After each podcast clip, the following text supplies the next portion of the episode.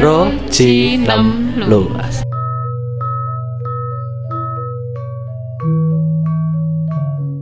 Hey yo, selamat datang Wilujeng Rawuhipun di podcast Putut Gelut.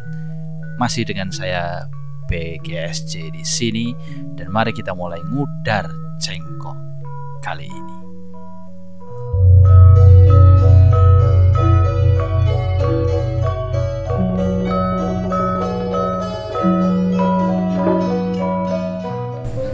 Pernah lihat kan video yang menentang musik musik haram? Iya, beredar di mana-mana. Aku sih sebenarnya agak punya pandangan mungkin Hmm. beliau ini tidak berada pada lingkungan yang menggunakan media seni sebagai pengantarnya untuk mengikat mengikat teman eh, atau Oh. lingkungannya beragama secara Ah, ah. utuh. Mungkin memang lingkungannya dia Iya. itu adalah lingkungan yang memang sudah kuat gitu loh. Mm-mm. Jadi mungkin memang jadi beginilah gitu loh. Iya, dan sudah sampai ke keyakinan sih. Iya, makanya. Heeh. Dan kalau udah sampai ya keyakinan, ke prinsip itu ya, ya setidaknya mencobalah. Makanya aku nulis pendapat di platform publik yang bisa di Akses orang banyak. Uh-uh, jadinya ya walaupun nggak semua orang bisa menerima, setidaknya kita kasih itulah. Hmm. Ini loh ada kemungkinan, ada ada sesuatu yang sebenarnya itu perlu kita tahu. Dan kalau misalnya kita tertarik dan oh, kembali lagi ke misalnya kita ngomongin minat ya, minat itu kan yang membuat kita menjadi bersungguh-sungguh terhadap sesuatu kan gitu loh. Jadi Mm-mm. ketertarikanmu sama agamamu Mm-mm. itu kan lewat mana? Itu kan media yang bisa Iya, mem- bener me- me- me- menghantarkan gitu ya. Mm-mm. Termasuk mungkin musik yang membuat musik ini mungkin dikatakan berdampak buruk. Aku nggak mau bilang haram sih, tapi berdampak buruk itu kan ketika kita sampai lupa diri untuk Iya. mengingat Tuhan itu Iya. selalu ada gitu.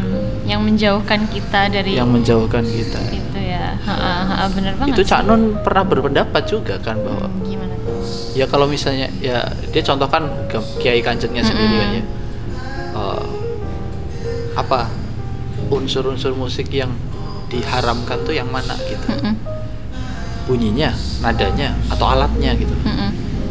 yang pada akhirnya beliau memberikan solusi bahwa yang menjadikan haram itu bukan melihat dari unsur-unsurnya ini atau gimana tapi bagaimana cara kamu menggunakan jadi akalnya yang dipakai harus Iya benar-benar. iya kan Mm-mm. pegang pisau Ha-ha.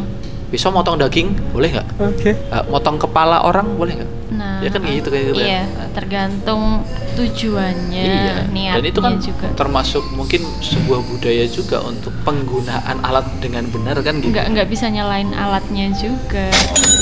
setuju nggak kalau kalau gamelan sendiri bisa menghantarkan ke efek yang negatif gitu ada yang dulu pernah bilang tuh gamelan itu kayak lonceng lonceng itu haram Oh Karena iya, itu.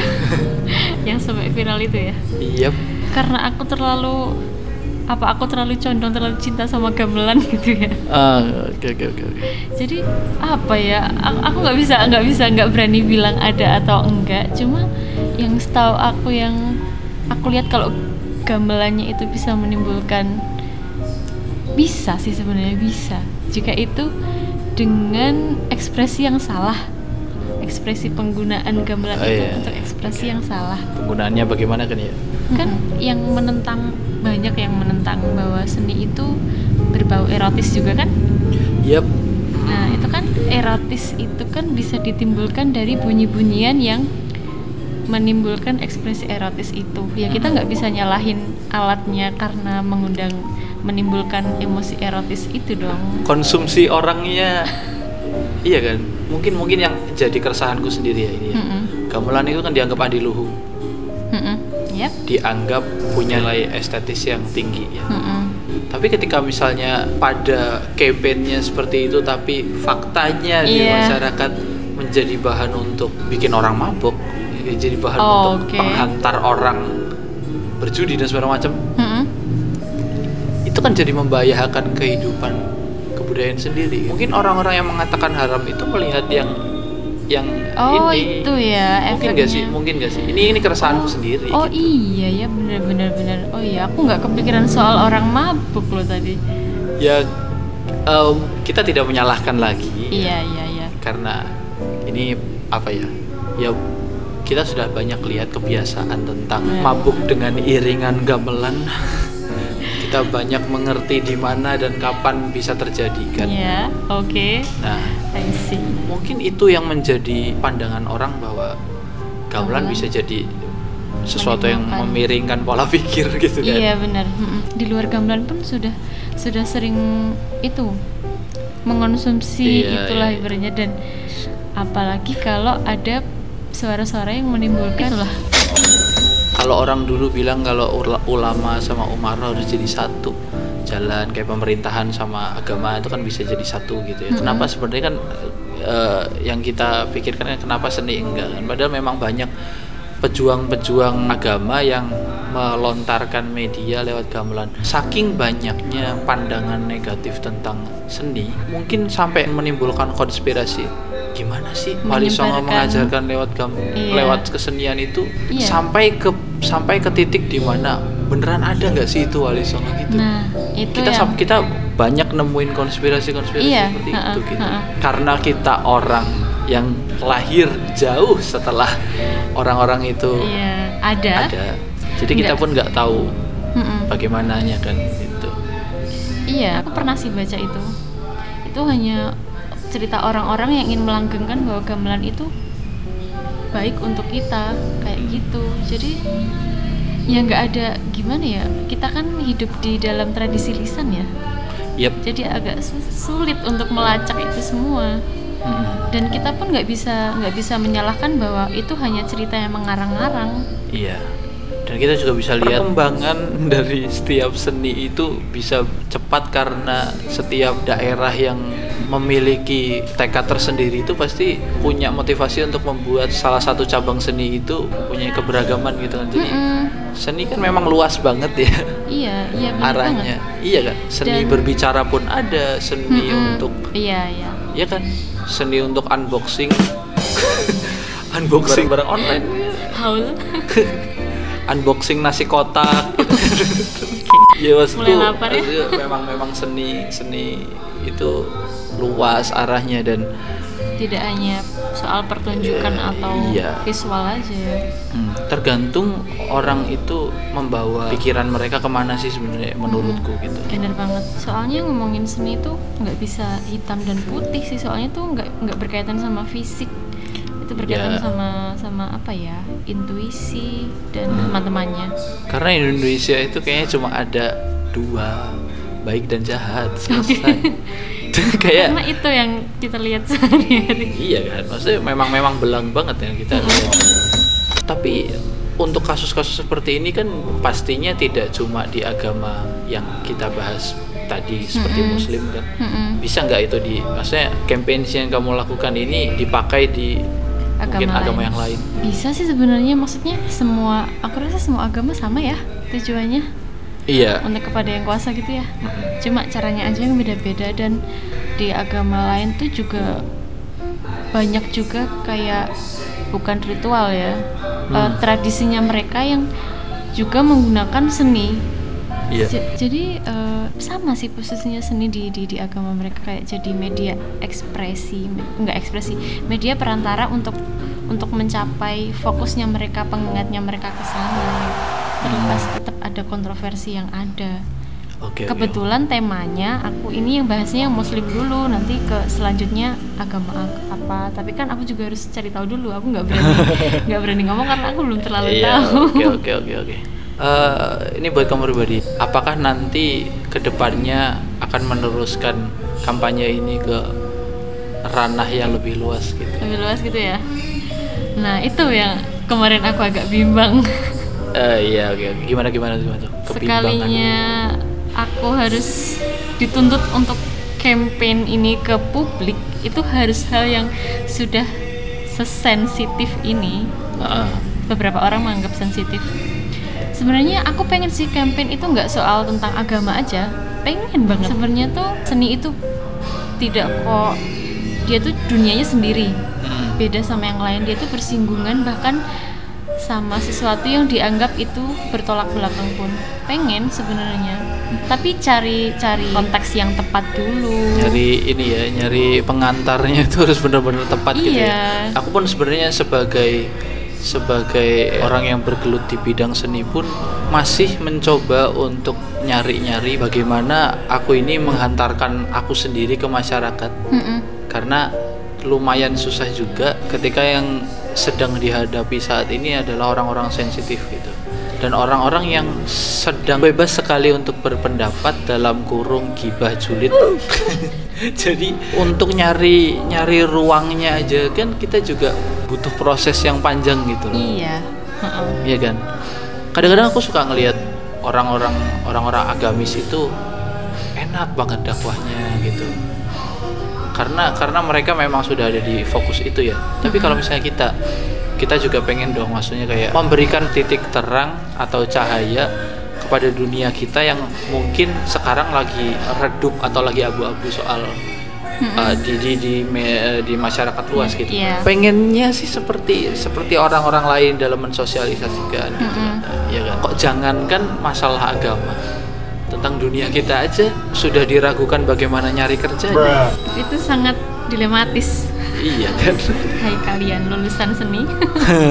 Fokusnya perhatiannya ke seni sama agama dan hal lain itu pun beda kan. Seni banyak yang menganggap cuma sebagai hiburan sekilas. Oke oke oke. sedangkan kita menekuninya lebih dalam nggak cuma sekedar hiburan. Jadi kita mau masuk ke masyarakat juga agak apa yang bisa kita lakuin untuk seni yang kita anggap seni serius ini Iya, untuk dan- mereka? dan apa Indonesia mungkin bukan Indonesia mungkin masyarakat sekarang lebih menyukai sesuatu yang instan daripada sesuatu yang dilihat prosesnya lama gitu. Eh, eh, bener. Iya kan? Iya. Jadi apa yang bisa masuk ke mereka lebih cepat dan lebih lebih mudah nyantol itulah yang mereka butuhkan gitu loh. Dan mereka butuh itu untuk sebatas menyenangkan diri mereka gitu loh bukan masalah untuk memberikan kesempurnaan secara batiniah yang khusus seperti di, di agama gitu loh Mm-mm. Karena kesibukan keseharian mereka tuh udah banyak. Jadi kalau aku pernah baca artikel, mereka kesibukannya udah banyak. Jadi mereka nggak mau mikir yang susah-susah lagi. Ngapain kita mikir yang ribet-ribet lagi? Cari yang praktis, seni buat hiburan gitu aja kan? iya oke bahasan kita tuh memang susah sekali Iya oke. karena kita bukan bukan berarti kita ini orang yang ahli dalam ngobrol itu kita hanya me- me- saling menguak bagaimana keresahan kami soal apa yang sedang terjadi gitu saja kan Iya. dengan contoh santiswaran sekaten pun kita bisa ini juga contoh yang nyata kan Mm-mm, termasuk ada. juga kalau misalnya gereja Kristen Jawa itu kalau udah pakai gamelan pun ya itu kan juga media bagaimana Sama. agama itu bisa berbaur gitu loh. Apalagi kayak yang Hindu Buddha mungkin lebih mudah ya untuk untuk ke sana gitu. Lebih kental Lebih kental juga. persinggungannya. Iya. Ya kalau ngom- tiba-tiba ngomongin musik haram, ya kok gamelan berarti harus melarang nasyid dong. Iya. Bagaimana orang-orang yang bilang haram itu mempertanggungjawabkan nasyid? Gitu? Bener banget. Bagaimana mem- mem- di di Arab pun banyak orang-orang bermusik santur dan sembarang macam gitu. Hmm. Alat musik alat musik mereka variatif juga, Iya. banyak juga dan itu juga media mereka untuk mendekatkan tentang kesempurnaan hidup juga. kan. Mengingatkan sama yang kuasa juga. Iya. Kenapa orang-orang itu lebih mencari yang sifatnya mudah diserang aja gitu? Padahal masih banyak hal-hal yang sebenarnya deket dengan agama tapi kayak dibiarin aja gitu. Kalau kamu pernah dengar stand upnya Panji Pragiwaksono, ada yang ngomongin masalah toa masjid. Mhm. Kebutuhan toa masjid itu hanya untuk azan dan untuk pengajian. Selebihnya itu sebenarnya dalam aturannya kan tidak Mm-mm. tidak bisa tidak boleh gitu kan. Tapi ada kasus di mana pernah nggak sih lihat anak-anak kecil itu apa Mainan. solawatan bareng gitu Oh iya. sampai kalau Panji sempat cerita rebutan mic sampai tiba-tiba ngomong ya? kasar gitu Oh. di, di di mic-nya langsung gitu loh. Mm-mm. Dan aku sebenarnya pengalam ngalamin sendiri ya. Oh iya. Iya, jadi kalau kalau lagi ini apalagi kalau misalnya lagi Ramadan gitu kan pada ngumpul semua anak-anak muda yang Mm-mm. komplit gitu. Mm-mm. habis itu habis eh, habis buka puasa terus kan adzan maghrib terus ini kan anak-anak gitu kan mic-nya cuma satu terus kita rebutan gitu Mm-mm. dan ketika yang sini sudah tapi masih happy happy aja dengan mic-nya iya bener dibikin rebutan kan sama apa ya sama temennya gitu Mm-mm. terus dibuat wah ini punya gua ini punya gua ini punya gua ini punya gua ini gitu iya itu jadi- jadi masalah baru gitu loh. Iya. Menertibkan yang seperti ini aja tidak ada penyelesaian lah. Kenapa harus ditambah dengan nyenggol yang berbau dengan seni gitu loh? Mm-mm. hal yang di dalamnya ya? Ya sebenarnya lebih ke budaya gitu. Eh. budaya tidak sopan ini kan harus disingkirkan iya, gitu. Terkadang hal-hal besar itu yang yang terlalu jadi sorotan padahal hal-hal kecil itu pun ternyata tuh penting. Iya ternyata memang harus diselesaikan gitu. Loh nggak cuma seni pertunjukan yang bisa disoroti tentang ini ya. Mm-mm. seni berbahasa pun iya. khotbah itu harusnya kan mempersatukan. Mm-mm. ya kan? Bukan menggolong-golongkan agama gitu. Iya. Soalnya Oke. banyak yang provokatif. Iya. Banyak Eh, iya. di daerah rumahku ada dua masjid. Mm-mm. yang satu Muhammadiyah yang satu NU oke terkadang satu masjid ini suka membuat mereka ini kepengen apa ya kepengen punya khutbah yang keren mungkin atau khutbah yang berbobot Oke. berbobot berbobot Mm-mm. tapi kesannya menjadi ini menjadi mengesampingkan golongan lain gitu loh oke kadang-kadang provokatif juga Mm-mm. ya terlepas dari cuma seni pertunjukan seni-seni dari apa ya bagian-bagian hidup kita tuh sebenarnya juga harus dikaji juga gitu loh nggak cuma seni pertunjukan aja disorot gitu Mm-mm. pertempuran apa ya namanya eksistensi ya heran aja sama kehidupan kesenian sekarang menjadi fighter yang benar-benar harus berjuang gitu Iya bener. Kadang sampai aku tuh bingung celahnya tuh harus ke mana. Karena kita kembali ke masyarakat pun kayak serasa tidak menggunakan beberapa ilmu yang kita dapat selama di pendidikan formal. Maksudnya entah belum bisa mengimplementasikan atau memang nggak ada wadah. dulu tuh kan kayak tadi kan aku sempat cerita ya ada pengangkatan pegawai kesenian untuk. Diberikan misi membangun kesenian di daerah yang ditunjuk Iya. gitu. Herannya aku pribadi kenapa ruang-ruang itu sekarang tidak ada gitu. Permasalahannya adalah orang-orang yang sudah lulus kuliah perguruan tinggi seni atau yang lulusan sekolah seni. Mm-mm. Itu kan sebenarnya mereka butuh wadah gitu. Mm-mm. Berapa sih lulusan tiap tahunnya? Ya Iya. walaupun nggak banyak sih, cuma kan tiap tahun kita banyak lulusan dan nggak setiap tahun ada peluang itu. Itu ambigu nggak sih ketika ada eh, ketika kita resah dan kita merasa nggak punya wadah ketika lulus dan bilang ya kalau kamu nggak bisa dapat kesempatan, kamu ciptakan kesempatan kamu sendiri. Itu gimana tuh menurut kamu? Itu ambigu nggak sih antara dia tidak tahu apa solusi untuk lulusan mahasiswa seni atau memang kita itu belum sebenarnya nggak ada wadah untuk kita dan kita setelah lulus udah biarin gitu aja kamu cari sendiri ya kamu mau ngapain Hmm, oke oke. pernah tuh aku baca kayak gitu Oke. Kalau misalnya memang dilihat dari suasi, dua sisi memang jadi ambigu ya karena membuat kita berpikir bahwa memang ada atau tidak gitu kan kita jadi di- akhirnya jadi dilema sendiri ya. Mm-mm. Kalau misalnya kita menciptakan peluang itu sendiri, pasti berdarah-darahnya Luar akan lebih biasa. lama dan luar biasa dan seleksi alam yang menentukan. Iya Dan sulit. memang saat ini tidak banyak wadah-wadah yang siap untuk menampung kita. Dan terkadang untuk urusan kepegawaian struktural itu kalau misalnya bidang A misalkan yang dibutuhkan adalah lulusan kesenian ya. Mm-mm. Tapi kalau misalnya itu bisa di cover oleh lulusan dari keilmuan lain ditimpa di sana gitu loh. iya bener banget itu Jadi ruang dilema. ruangnya jadi memang hilang aja gitu karena Mm-mm. karena potensi-potensi ini tidak terisi dengan formasi yang tepat aja gitu. Sebagai penutup, apa nih yang kamu pengen sampaikan tentang pandanganmu yang sudah kamu jelaskan di depan? Harapannya apa nih? Oke. lebih ke pesan ke diri aku sendiri juga sih ya Iya. dalam kita tuh memandang memandang sesuatu tuh jangan dikepiah-uyah kita tuh harus lihat konteksnya Mm-mm. Jangan dimakan mentah, teman-teman. Iya, maksudnya itu maaf ya, aku sulit menemukan bahasa Indonesianya. Kadang sesuatu yang menurut kita tuh bertolak belakang, kita lihat dulu lah apa apa sih yang bisa kita ambil apa sih yang sebenarnya tuh dia tuh bisa loh memberikan sesuatu yang positif untuk kita dan jangan apa ya langsung menjudge gitulah aku tuh nggak suka banget ada orang yang langsung menjudge tanpa mencari tahu apa sih yang melatar belakangi keadaan itu dan sebagainya. Intinya itu sih kayak ayolah kita open minded Oh, Oke oke oke. 2020 loh.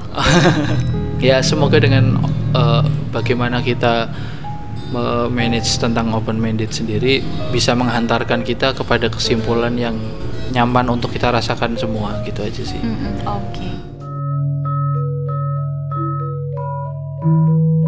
Terima kasih matur nuwun kepada semua pendengar. Stay tune ya karena podcast ini akan selalu update setiap minggunya. Jadi tetap dengarkan Putut Gelut Podcast.